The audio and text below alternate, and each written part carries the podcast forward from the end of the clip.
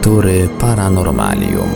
Dziś w Radiu Paranormalium kontynuujemy prezentację książki Wojciecha Chudzińskiego Ten drugi w nas. Od objawień aniołów do malarstwa duchów. Jest to niezwykła publikacja przeznaczona dla osób zafascynowanych ezoteryką, a w szczególności problematyką spirytyzmu i mediumizmu. W książce autor przedstawia postacie historyczne oraz artystów, na których biografiach odcisnął się kontakt z tak zwaną inną rzeczywistością. Wojciech Chudziński stara się wyjaśnić, co może się kryć za niezwykłymi umiejętnościami osób, które odniosły sukcesy jako medium. Próbuje odpowiedzieć na pytanie, czy opisane historie można wytłumaczyć na gruncie współczesnej psychologii, czy też niezbędne jest odwołanie się do metafizyki i dostrzeżenie w tych kontaktach ingerencji czynników zewnętrznych. Książkę Ten drugi w nas, od objawień aniołów do malarstwa duchów na antenie Radia Paranormalium prezentujemy w odcinkach w całości.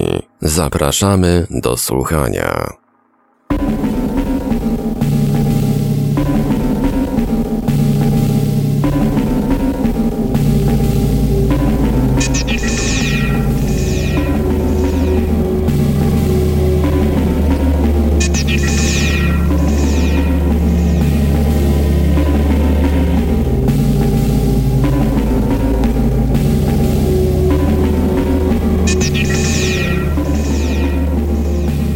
Spółka mediumiczna z ograniczoną odpowiedzialnością. Luis Gasparetto w marcu 1978 roku w programie Nationwide angielskiej stacji telewizyjnej BBC Luis Gasparetto na oczach kilku milionów widzów namalował w transie 21 płócien w czasie 75 minut. Podkreślmy, że audycję emitowano na żywo. Medium niekiedy wykonywało dwa obrazy jednocześnie, co innego tworząc lewą, co innego prawą ręką, natomiast część prac powstawała do góry nogami. Każdy obraz zdradzał charakterystyczny styl konkretnego malarza. Od Toulouse-Lautreca do Modiglianiego, od Van Gogha do Picassa. Szybkość, z jaką zostały ukończone, ich różnorodność i perfekcja warsztatu wydawały się wprost nie do pojęcia. Louis zaczął malować pierwsze obrazy transowe już jako młody chłopak. Mimo, że nie studiował sztuk plastycznych ani w ogóle nie interesował się malarstwem, Zawsze miał pod ręką farby i pędzle na wypadek, gdyby, jak mawiał, ta rzecz znów przyszła. Urodził się w 1949 roku w São Paulo w Brazylii. Jego rodzice, Aldo i Zibia, wyznawali doktrynę spirytystyczną i w jej duchu wychowali dzieci. Gasparetto zaczął objawiać wrażliwość mediumiczną w wieku 4 lat. Gdy ukończył 11, z powodzeniem wykonywał rysunki, czemu towarzyszył stan transu. Jako osiemnastolatek odwiedził Chico Xaviera, wielkie brazylijskie medium. W czasie tego spotkania powstało 15 portretów o wymiarach 30 na 60 cm, z których część gospodarz rozpoznał jako dzieła zbliżone stylem do prac wielkiego holenderskiego malarza Rembrandta. Na początku czuje jakby telepatyczne zaproszenie do pracy, tłumaczył Louis. Następnie zdaje sobie sprawę z fluidycznej obecności duchów. Moje ręce w jednej chwili opanowuje jakaś siła i zaczynam malować. Oczywiście przez cały czas zachowuję wolną wolę i mam świadomość, że w dowolnym momencie mogę to przerwać. Koniec cytatu. Zapytany, co sądzi o swym niezwyczajnym talencie, Gasparetto odpowiada z nutką dumy. Nigdy nie słyszałem o kimś innym, kto potrafiłby malować obydwiema rękami naraz, w 30 odrębnych stynach, w całkowitej ciemności. Trzeba tu dodać, że w normalnym stanie umysłu Louise nie potrafi wykonać nawet najprostszego szkicu. Zdarza się, że w jednej chwili ruchy pędzla dyktują mu dwie, trzy osoby. Właśnie dzięki temu wykształcił w sobie umiejętność malowania naraz kilku obrazów prawą i lewą ręką, a nawet stopą. Nieprzypadkowo zaczął uczęszczać na lekcje tańca. Do tej pory Louise wyprodukował 30 tysięcy płócien. Jest to liczba imponująca dla każdego artysty plastyka. Jego osobisty rekord to wykonanie sześciu dzieł w niespełna 15 minut. Wchodzę w trans bardzo szybko, wyjaśnia Brazylijczyk. Nigdy nie wiem, czy już w nim jestem, czy nie. Czasem wszystko dzieje się niezauważalnie. Potem patrzę na to, co namalowałem i mówię sobie, nie mogłem tego zrobić. To nie ja. Zdarza się, że pozostaję w transie przez cały tydzień. Gdy wokół są ludzie, którzy mnie lubią i wspierają, czuję, jak mój talent rozwija się. Stosunek publiczności i odbiór tego, co robię, jest niezwykle istotny. Jeśli znajduję się w głębokim transie, niczego się nie uczę. Dlatego uważam, że nie powinniśmy pozwalać duchom wykorzystywać się w ten sposób. Po co w ogóle znaleźliśmy się na Ziemi? Żeby stać się zabawką duchów? To głupie. Nie jestem torbą do noszenia. Muszę zadbać o swój rozwój. Talenty, którymi nas obdarowano, powinny służyć dobru człowieka. Koniec cytatu. Obecnie Louise nie używa już słowa mediumizm, woli wyrażenie szósty zmysł. Oprócz tworzenia obrazów, w przeszłości użyczał strun głosowych francuskiemu postimpresjoniście Toulouse-Lautrecowi, aby udzielić wywiadu Rede TV. Jednak obecnie nie zajmuje się już wielkimi artystami rangi Leonarda da Vinci. Uwagę skupił na znacznie bardziej rentownych zajęciach, kursach, na które jednorazowo zapisuje się do 3000 osób i programie radiowym w Radio Manial w São Paulo, gdzie pełni rolę najważniejszego prezentera. Gasparetto w jeden dzień potrafi zarobić 40 tysięcy reali i marzy, by stać się gwiazdą literatury motywacyjnej. Ubiera się w Los Angeles, gdzie utrzymuje dom, przepada za nowienkami kulinarnymi, jeździ wyłącznie w towarzystwie swego szofera i stawia na image self-made mana. Jest jednak mniej popularny niż jego matka Zibia. Mimo to robi dużo, by zostać jej następcą. Zachowuje wierność zasadom, które propaguje w książkach. Liczy się to, co sam o sobie myślisz. I kreuje megalomański koncept własnej osoby. Jestem najbardziej interesującym człowiekiem, jakiego znam. To Louise pełnił rolę duchowego przewodnika rodziny Gasparetto, prawdziwego klanu mediumicznego, gdy ten przechodził z działalności charytatywnej do sfery biznesu. Gasparetto to w całym tego słowa znaczeniu familia tradycyjna, pochodzenia włoskiego, jak tysiące innych zamieszkujące dzielnice klasy średniej w São Paulo. Ich własnością są trzy domy położone na tej samej posesji w dzielnicy Ipiranga, na południu miasta. W weekendy spotykają się na uroczystych obiadach organizowanych u głowy rodziny Zibi. Klan Nie z tej ziemi składa się z czwórki dzieci, pani Zibi i przedsiębiorcy Ando Gasparetto. Wszyscy dysponują zdolnościami mediumicznymi i potrafią nawiązać kontakt z bezcielesnymi osobami, jak w tym gronie określa się zmarłych. Według informacji, które Zibia otrzymała od duchów, ze swoimi synami spotkała się jeszcze przed narodzinami, planując wykonanie określonych zadań na Ziemi. 54-letni Ireneusz, brat Luiza, stanowi chodzącą kolekcję popularnej muzyki brazylijskiej. Wciela różne generacje kompozytorów samby, od Catula da Panciao Serence do Pisinquinia. W 1997 roku wydał CD nagrane we współpracy z wieloma sławnymi duchami. Jak do tego doszło? Pewnego dnia rodzina odkryła, że przez Ireneusza manifestują się duchy muzyków, którzy niedawno stracili życie. Wtedy rysy twarzy chłopaka zmieniały się i zaczynał nucić piosenki. Wkrótce, dyskontując swój medialny talent, rozpoczął serię występów, prezentując na scenie gwiazdy samby z zaświatów. Nawet nie lubiłem brazylijskiej muzyki, ceniłem za to Beatlesów i Elvisa. Niestety mój angielski jest kiepski, tłumaczył. Pozostałych dwoje dzieci Zibi, 58-letni Pedro i 48-letnia Silvana, widzą i słyszą rozmawiające duchy, lecz wolą poświęcać się administrowaniu przedsięwzięciami biznesowymi. On prowadzi interes odziedziczony po ojcu, ona jest prawą ręką matki w pracy wydawniczej i edytorskiej. Jesteśmy zwariowaną rodzinką, przyznaje Zibia. Zdarza się, że rozmawiamy w domu o tym, co powiedział ten czy inny duch. Przy swoich przeszło 80 latach Zibia Gasparetto to w Brazylii wielka dama literatury duchowej. Od dekady figuruje na listach najlepiej sprzedających się autorów z dziedziny ezoteryki, religii i literatury motywacyjnej. Jej ponad 20 dzieł podyktowanych przez duchy, które zdecydowały się uczyć żyjących, sprzedały się w nakładzie 5 milionów egzemplarzy. Taki rekord został dotąd pobity jedynie przez największe medium brazylijskie Chico Xaviera, który na tym rynku sprzedał 25 milionów książek i przez drugiego w rankingu Bahrańczyka Divanta Pereira Franco, który doszedł do poziomu 7,5 miliona sprzedanych egzemplarzy.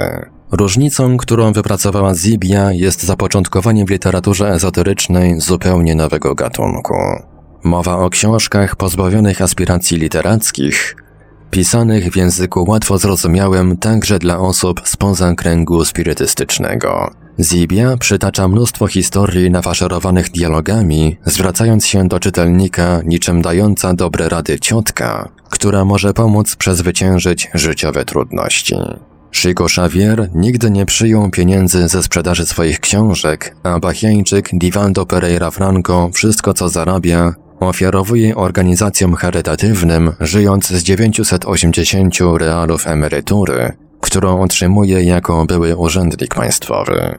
Spirytyści muszą zarabiać na życie w pocie czoła, podkreśla Franco. Dobre duchy wysyłają przesłania i nie biorą za to ani grosza. Jeśli się na nich bogacimy, popełniamy przestępstwo. Koniec cytatu. Z tego powodu rodzina Gasparetto nie ma w Brazylii dobrej pracy. A żeby uciec od krytyki, Zybia określa siebie jako spirytystkę niezależną. Odpowiedzialność za wejście w świat biznesu przerzuciła na zmarłych. To duchy namówiły mnie, bym poświęciła się rozpowszechnieniu idei spirytystycznej w taki właśnie sposób. Zapewnia. Do rodziny Gasperetto należą też duchy, które nawiedzają każdego z domowników. Co ciekawe, respektują one rozkład zajęć i objawiają się wyłącznie w godzinach pracy.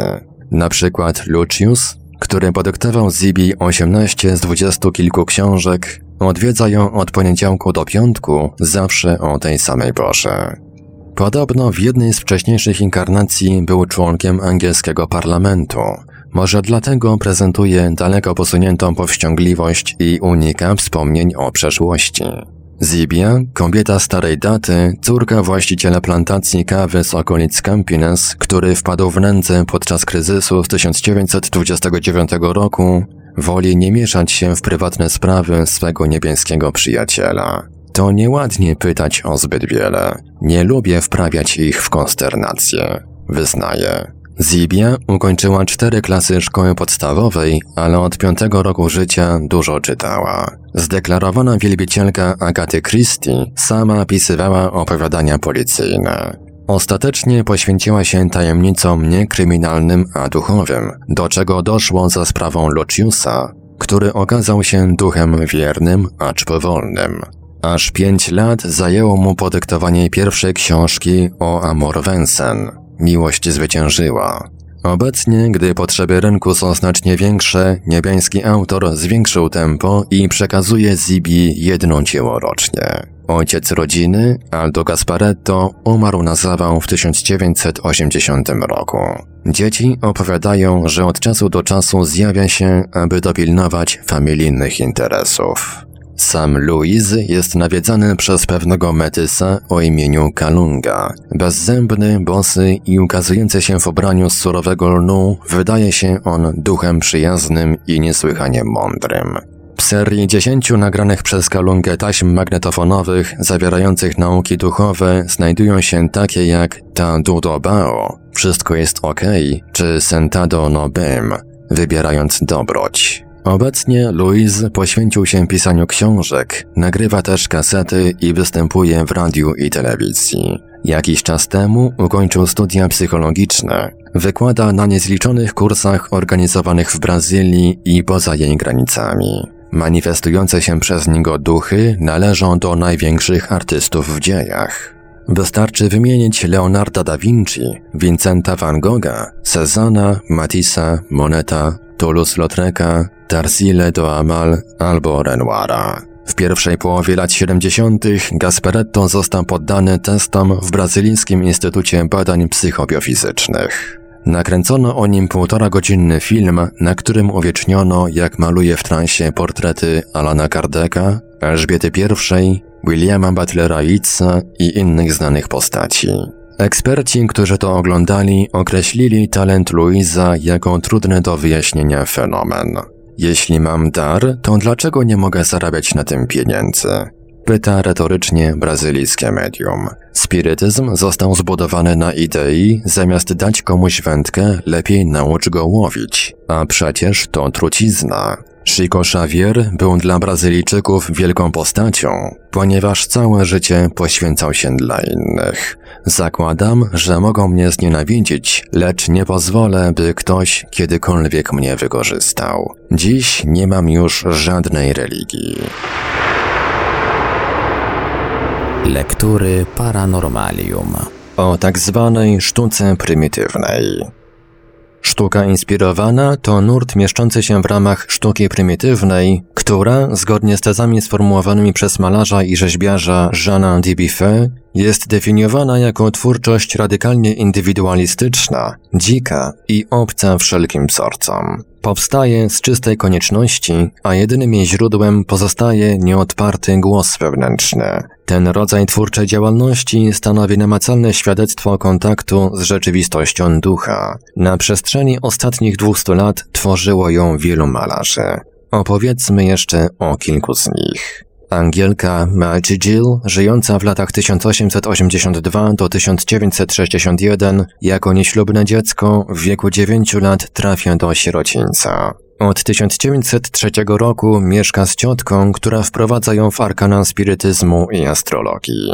W wieku 25 lat poślubia swego kuzyna Thomasa Edwina Gilla, któremu rodzi trzech synów. Drugiego z nich, Reginalda, odbiera jej hiszpańska grypa. W następnym roku wydaje na świat martwą córeczkę. Trzy miesiące choruje. Ślepnie na lewe oko. Odtąd jej życie wypełnią bez reszty malowanie i kontakty z duchami. Pracuje w nocy, rysując atramentem. Przez 40 lat powstają tysiące obrazków różnych formatów. Od pocztówki po ogromne płótna o ponad 11-metrowej długości.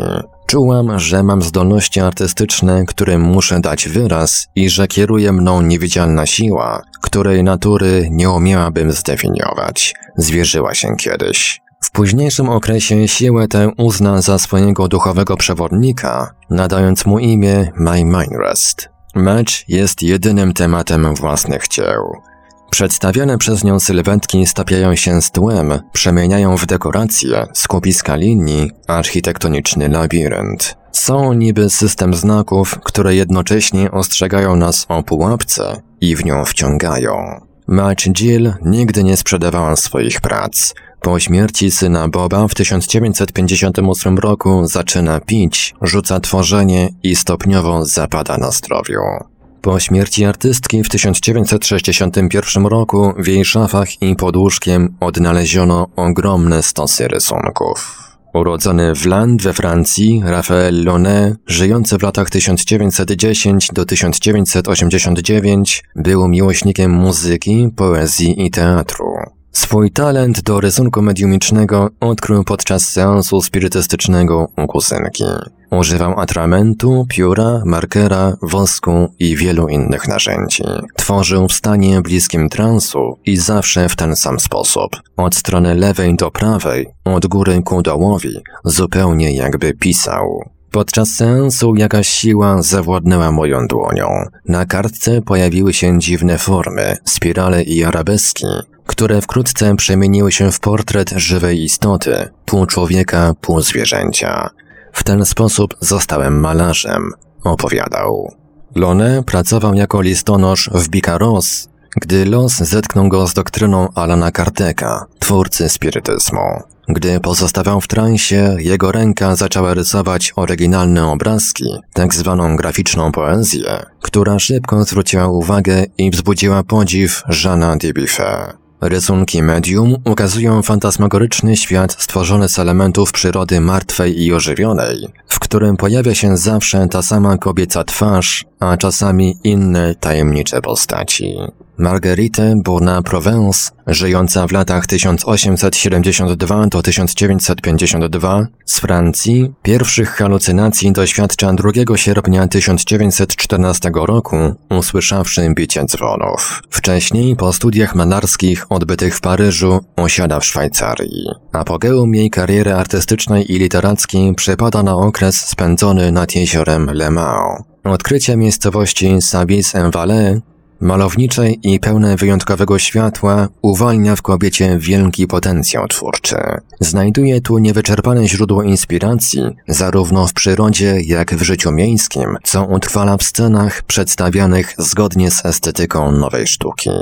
Od wybuchu I wojny światowej do końca swego życia Bourna-Provence ma uporczywe wizje dziwnych postaci oraz ptaków. Dzięki tym halucynacjom powstaje około 3000 niepokojących rysunków pod wspólnym tytułem Ma Vie, Moje miasto. Jean Dubuffet powierzył je Muzeum Sztuki Prymitywnej w Losannie. Szwajcar Adolf Wülfi, żyjący w latach 1864 do 1930, był malarzem maniakalnym. Stworzył 1400 rysunków i 1500 kolarzy. Pisarzem i poetą. 20 tysięcy ręcznie pisanych i rysowanych kartek. Matematykiem tworzącym własną algebrę, badaczem biorącym udział w wielu wyprawach do odległych regionów świata, wreszcie kompozytorem i muzykiem. Brak muzycznego wykształcenia nie przeszkodził mu w napisaniu interesujących partytur. Wylfi cierpiał na cyklofrenię, miał halucynacje, często zachowywał się agresywnie. Większą część dorosłego życia spędził w szpitalu psychiatrycznym w Waldau nieopodal Berna w Szwajcarii. Co ciekawe, ośrodek ten do dziś posiada jedną z najbardziej znanych na świecie kolekcji dzieł stworzonych przez pacjentów i stara się podtrzymywać tradycję pozostawiania osobom chorym swobody artystycznej. Istnieje wiele aspektów sztuki Welfiego, które wynikały z choroby. Strach przed pustą przestrzenią i ciszą, tendencja do ciągłego poszukiwania nieskończoności, Wzajemne oddziaływanie harmonii i chaosu. Były to środki pomniejszające cierpienie i integrujące jego podzieloną tożsamość. Rysunki i obrazy artysty zainspirowały kilku sławnych malarzy, przykład André Bredona, a teksty paru znanych poetów, przykład Rilkego. Muzyczny nurt sztuki pobudził z kolei współczesnych kompozytorów Wolfgang Grimm, Per Norgard Terry Riley. Sprawa Roberta Swangiforda, urodzonego w 1840 roku, pejzażysty z Massachusetts w USA, który zmarł w styczniu 1906 roku, weszła już na stałe do annałów parapsychologicznych. A wszystko rozpoczęło się od spotkania Gifforda, wówczas uznanego malarza, z Frederickiem L. Thompsonem, młodym amatorem polowań. Panowie spotykali się nad rzeką w New Bedford, niewielkim miasteczku w stanie Massachusetts. Gifford przychodził tu ze sztalugami, Thompson zaopatrzony w sztucer. W okresie kilku miesięcy polubili się i nierzadko rozprawiali o sztuce, którą myśliwy uprawiał w sposób amatorski, choć z pełnym oddaniem. Latem 1905 roku Thompson stwierdził nieoczekiwanie, że prześladują go wizje pewnego konkretnego krajobrazu. Skojarzył ten fakt z nowo poznanym znajomym. Wówczas nie wiedział jeszcze, że pejzażysta niedawno zmarł. Kilka tygodni później, gdy zatrudnił się w Nowym Jorku, w przerwie na lunch natrafił na witrynę z wyeksponowanym obrazem. Znał ten styl. Było to zaproszenie na pośmiertną wystawę prac Gifforda. Frederick doznał wstrząsu i stracił przytomność. Na granicy snu i jawy usłyszał głos Widzisz, czego dokonałem. Kontynuuj dzieło. Od tej chwili jego życie zmieniło się radykalnie. Nie mógł już wykonywać swojej pracy, musiał malować i robił to z coraz większą biegłością, zaskakując otoczenie i samego siebie. Jedno w tym wszystkim zdawało się najdziwniejsze. W szkicach nieustannie powracał do pewnego pejzażu, a styl, w jakim malował, był nie do odróżnienia od stylu Gifforda. Pewny, że postradał zmysły, w styczniu 1907 roku zwrócił się o pomoc do profesora Jamesa H. Hinslopa, kierującego amerykańskim Towarzystwem Badań Parapsychicznych. Seans z medium, panią Rathbone, przekonał Thompsona, że w jakiś paranormalny sposób nieżyjący malarz kieruje jego dłonią. Kobieta opisała nawet prześladujący go krajobraz. Dzikie morskie nabrzeże z grupą pięciu stojących wolno drzew oraz dwóch sękatych dębów. W lipcu 1907 roku Frederick L. Thompson, chcąc wyjaśnić tajemnicę u źródła, udał się do wdowy po Gifordzie mieszkającej w Nonquit. Tam natknął się na niedokończony obraz przedstawiający prześladujący go pejzaż. Jak się okazało, artysta pracował nad nim przed śmiercią. Profesor Heinslop uznał ten przypadek za niezwykle interesujący i w 1909 roku zamieścił wyniki swoich badań w Proceedings Amerykańskiego Towarzystwa Badań Parapsychicznych, następnie publikując je w książce Contact with Other Worlds – Łączność z innymi światami. Thompson wkrótce zyskał sławę jako ceniony malarz i przez niemal 20 lat wystawiał pracę w najbardziej prestiżowych galeriach Nowego Jorku. Heinrich Nusslein, żyjący w latach 1879 do 1947, norymberczyk z zawodu kupiec, malujący od 1926 roku, wiele ze swoich obrazów stworzył w całkowitej ciemności. Było to tym dziwniejsze, że cierpiał na poważną wadę wzroku. Dysponował tylko jedną dziesiątą tego, co charakteryzuje normalne widzenie. Potrafił wykonywać portrety osób, których nigdy nie spotkał, wykorzystując psychometrię, przedmiot należący do portretowanego, albo koncentrując się na jego imieniu. Działania takie nazywano obrazami kontaktowymi. Praca nad małymi dziełami zajmowała mu 3-4 minuty. Największe tworzył pół godziny. Artysta, który całkowicie poświęcił się swoim wewnętrznym wizjom, nierzadko malował samymi palcami, wnętrzem dłoni i paznokciami. Tematem obrazów są przede wszystkim twarze, karykatury i maszkarony. Wykreowana rzeczywistość to świat odnoszący się do reinkarnacji i karmy. W okresie, gdy tworzył, ukazało się wiele publikacji interpretujących jego sztukę z punktu widzenia chiromancji, grafologii i astrologii. Wystarczy wymienić nazwisko lub też tylko zadeklamować jakiś urywek wiersza, a Nisline w kilku minutach rzuca na tło portret danego autora. Pisano w Hejnale z lipca 1934 roku. I w innym miejscu, przy odczytywaniu kilku wierszy z Odysei w języku greckim, powstała potężna głowa Homera. Gdy zarecytowano kilka wierszy chińskiego poety Lai Taipei, na desce wyłoniła się głowa Chińczyka z wargoczem. Zaznaczyć wypada, że malarz nigdy jeszcze nie słyszał języka chińskiego, ani też nie wiedział, kim jest Li Taipei. Koniec cytatu. Ogółem stworzył ponad 30 tysięcy płócien. Prace jego autorstwa można dziś spotkać w galeriach Wielkiej Brytanii, USA, Holandii wywołują kontrowersje, co jest związane z niecodziennym sposobem ich powstawania. Wielu krytyków odmawia Nislainowi miana artysty. Na początku malował na sklejce, dykcie i tekturze. W późniejszym okresie większość dzieł utrwalał na papierze. Swą niezwykłą twórczość określał jako pisanie obrazów, a o sobie mówił rzemieślnik sztuki. Gotowe prace sprzedawał wyłącznie po kosztach materiałów. Wzbraniał się przed podpisywaniem ich swoim nazwiskiem, ponieważ, jak mówił, nie jest dumny ze swego daru, bo zawdzięcza go inspiracji duchów. W tym kontekście najczęściej wymieniał najwybitniejszego artystę niemieckiego renesansu Albrechta Dürera. W okresie II wojny światowej gestapo skonfiskowało większą część jego płócien, uznając je za nieniemieckie. Jednak funkcjonariusz, który otrzymał rozkaz ich zniszczenia, zapakował w porozumieniu z malarzem wiele prac do skrzynek i skutecznie ukrył. Rosnące w ostatnich latach międzynarodowe zainteresowanie twórczością Nislina sprawia, że mówi się o renesansie jego popularności. Lektury Paranormalium. Zakończenie. Kiedy w radiu zepsuje się kondensator, odbiornik zacznie przeraźliwie trzeszczeć. Czy z tego wynika, że funkcją kondensatora jest tłumienie trzasków? Z pewnością nie. Nieprawidłowo niska oporność kondensatora zmieniła pracę całego systemu, a działający bez niego nowy system wykazuje nowe właściwości, w tym przypadku trzaski. Kiedy usuniemy jakąś część układu, reszta elementów może zacząć działać całkowicie odmiennie.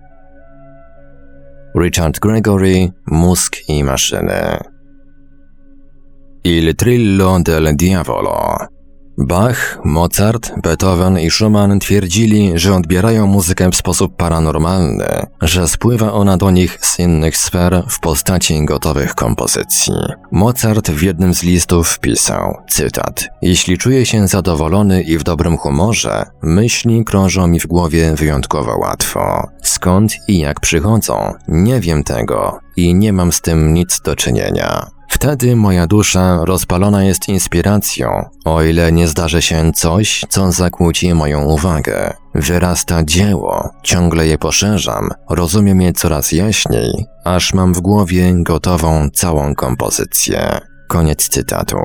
Ludwig van Beethoven, opowiadając o źródle natchnień dla swoich arcydzieł, mówił, cytat, Jestem zmuszony poddawać się falom melodii płynących z ogniska natchnienia. Wiem, że Bóg i aniołowie są bliżej mnie w mojej sztuce niż inni. Komunikuję się z nimi i nie doznaję z tego powodu żadnej trwogi. Muzyka jest jedynym wejściem duchowym do wyższych sfer inteligencji. Koniec cytatu. Natomiast Brahms zapewniał, w tym stanie jasno widzę to, co w zwykłym stanie jest dla mnie mroczne. Wtedy idee płyną do mnie prosto od Boga. Zapiski z dziennika Clary Schumann informują nas o dramatycznych przeżyciach jej męża, Roberta. Czytamy tam m.in. cytat Robert mówi, że istnieje muzyka tak wspaniała, z tak cudownie brzmiącymi instrumentami, jakiej nigdy nie słyszano na ziemi. Gdy leżeliśmy w łóżku, Robert wstał i zapisał temat, który, jak powiedział, poddali mu aniołowie. Głęboko wierzył, że aniołowie unoszą się wokół niego i czynią mu najwspanialsze objawienia wśród cudownej muzyki. Koniec cytatu. Niestety, głosy anielskie niekiedy przeobrażały się w jęki demonów, co dla kompozytora stawało się źródłem udręki. Wkrótce też, nie mogąc znieść milczenia aniołów i wypełniających głowę demonicznych dźwięków, Schumann rzucił się w wody Renu. Wyłowiono go, lecz zmarł w szpitalu. Giuseppe Tartini, żyjący w latach 1692 do 1770, włoski kompozytor, od 1721 roku aż do końca życia koncertmistrz i pierwszy skrzypek w orkiestrze Bazyliki Świętego Antoniego w Padwie, również przeżył niezwykłą inspirację. Pojawiła się ona u niego podczas snu. Jej efektem było powstanie słynnej sonaty Il Trillo del Diavolo, diabelski tryl. Z narodzinami tego utworu wiąże się legenda, jaką opisał Joseph Jérôme de Lalande, francuski astronom znający Tartiniego osobiście. Pewnej nocy w 1713 roku Włochowi przyśnił się diabeł stojący w nogach jego łóżka, który w zamian za duszę zaproponował mu swoje usługi. Giuseppe wyzwał biesa na muzyczny pojedynek, a wtedy diabeł ujął skrzypce i zagrał sonatę. Kompozytor wyznał w liście, cytat, Byłem zaskoczony i tak oczarowany, że odebrało mi oddech. Ta gra obudziła mnie. Od razu wziąłem do ręki skrzypce, mając nadzieję, że uda mi się odtworzyć choćby część tego, co słyszałem. Nieskutecznie. A mimo to fragment, który napisałem chwilę później i tak jest najlepszą kompozycją w mojej karierze. Koniec cytatu. Na pamiątkę sugestywnego snu utwór ten opatrzono diabelskim tytułem, pod którym znany jest do dnia dzisiejszego. Wyjątkowy przykład automatyzmu muzycznego objawił się też u panny Joli Cartera. Relację na ten temat zamieścił w 1937 roku La Revue Metapsychique, organ prasowy Międzynarodowego Instytutu Metapsychicznego. Autor artykułu, dr Salvatore Guelli z Catanii we Włoszech, korespondent i członek Akademii Medycznej w Paryżu, zaprezentował przypadek dziewczyny, która tworzyła kompozycje muzyczne, chociaż nigdy wcześniej nie uczyła się grać. Kobieta twierdziła, że coś przynagla ją do ujęcia pióra, po czym dostrzega w powietrzu pięciolinię z wyraźnie zaznaczonymi nutami. Gdy przepiszę do zeszytu daną frazę, ukazuje się jej dalszy ciąg, jakby jakiś niewidzialny walec przesuwał zapis z dołu do góry. Cartera prawie zawsze pisała w kluczu wiolinowym, podając tonację i takt, a następnego dnia uzupełniała utwór o akompaniament w kluczu basowym. Gdy Medium zgłosiło swą kandydaturę do Włoskiego Związku Autorów i Kompozytorów, profesjonaliści wysoko ocenili astralne kompozycje, nie zdając sobie oczywiście sprawy z ich źródła. Zażądali jednak dodatkowo przesłania partytury na małą orkiestrę symfoniczną. Dziewczyna, nie rozumiejąc polecenia, jak pisze Gueli, przedłożyła swój problem zmarłym. Nuty były gotowe już po kilku dniach. Osobiście oglądałem te dokumenty. Przekonuje profesor Gueli. Jest to zapis nutowy utworu na skrzypce, trąbkę i inne instrumenty. Wszędzie w prawidłowy sposób transponowano tonację przy użyciu krzyżyków i bemoli. Koniec cytatu. Wspomnijmy jeszcze o dwóch intrygujących przypadkach, które wydają się mieć dużo wspólnego z inspiracją o charakterze mediumicznym. W samym końcu XIX stulecia melomanów wprawił w osłupienie trzyletni geniusz fortepianu i skrzypiec Hiszpan Pepito Ariola, żyjący w latach 1895 do 1954.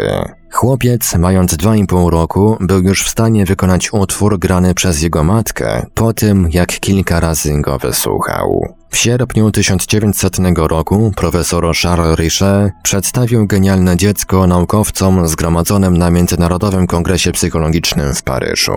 Ariola grał tam i improwizował z zaskakującą biegłością.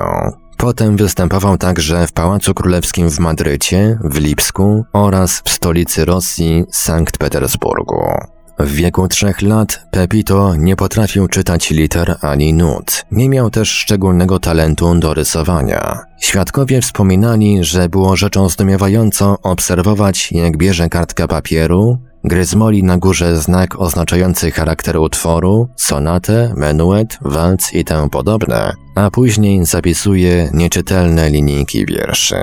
Spojrzawszy z satysfakcją na kartkę, chłopiec zasiadał do fortepianu i mówił: Zagram to. I rzeczywiście, mając przed oczyma taki zapis nutowy, interpretował go w zachwycający sposób. Charles Richet podsumowuje. Prawdę powiedziawszy, odkrywam w nim coś narkotycznego. Nie jest to uderzenie, ani harmonia, ani nawet zręczność, lecz wyraz artystyczny. Bogactwo zdumiewającego wyrazu artystycznego. Narasta on jeszcze we fragmentach o charakterze smutnym lub wesołym, wojennym czy ekspresyjnym. Często jest tak silny jak tragiczny w wymowie, iż ma się wrażenie, że Pepito nie potrafi jeszcze z powodu swego niedoskonałego uderzenia w klawisze wyrazić wszystkich idei muzycznych, które w nim drżą. Koniec cytatu. W tamtym czasie nie mówiono o inspiracji mediumicznej, lecz 11 lat później Pepito Ariola, tak jak wiele mediów przed nim i po nim, objawił dar pisania automatycznego. Świat wprawił w zdumienie także 4,5-letni Willy Ferreros. Powściągliwa na ogół prasa paryska nie szczędziła swego entuzjazmu. Nosi czarne ubranie, białą kamizelkę, lakierki, monokl w oku, a w ręku trzyma batutę. Dyryguje z łatwością i niezrównaną precyzją orkiestrą złożoną z 80 muzyków. Donosiła komedia. Natomiast L'Intransigeant z 22 czerwca 1911 roku uzupełniał. Długie, ciemne, wijące się włosy otaczają pucołowatą jak u aniołków Bushera twarzyczkę. Onegdaj dyrygował z zadziwiającą flegmą i niewzruszoną w niczym pewnością orkiestrą w Trocadero. Koniec cytatu. Jeden z dziennikarzy spotkał się z małoletnim geniuszem, co opisał z dużą dozą humoru. Cytat. Posadziłem sobie na kolanach tego najmłodszego dyrygenta orkiestry. Opowiedz mi jakąś bajkę. Poprosiłem.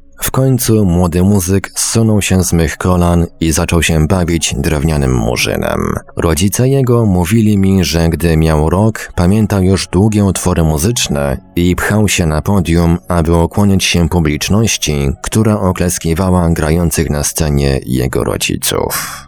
Koniec cytatu. Oczywiście takie przypadki jak Arioli i Ferrerosa rozpatrywano także w kontekście reinkarnacji.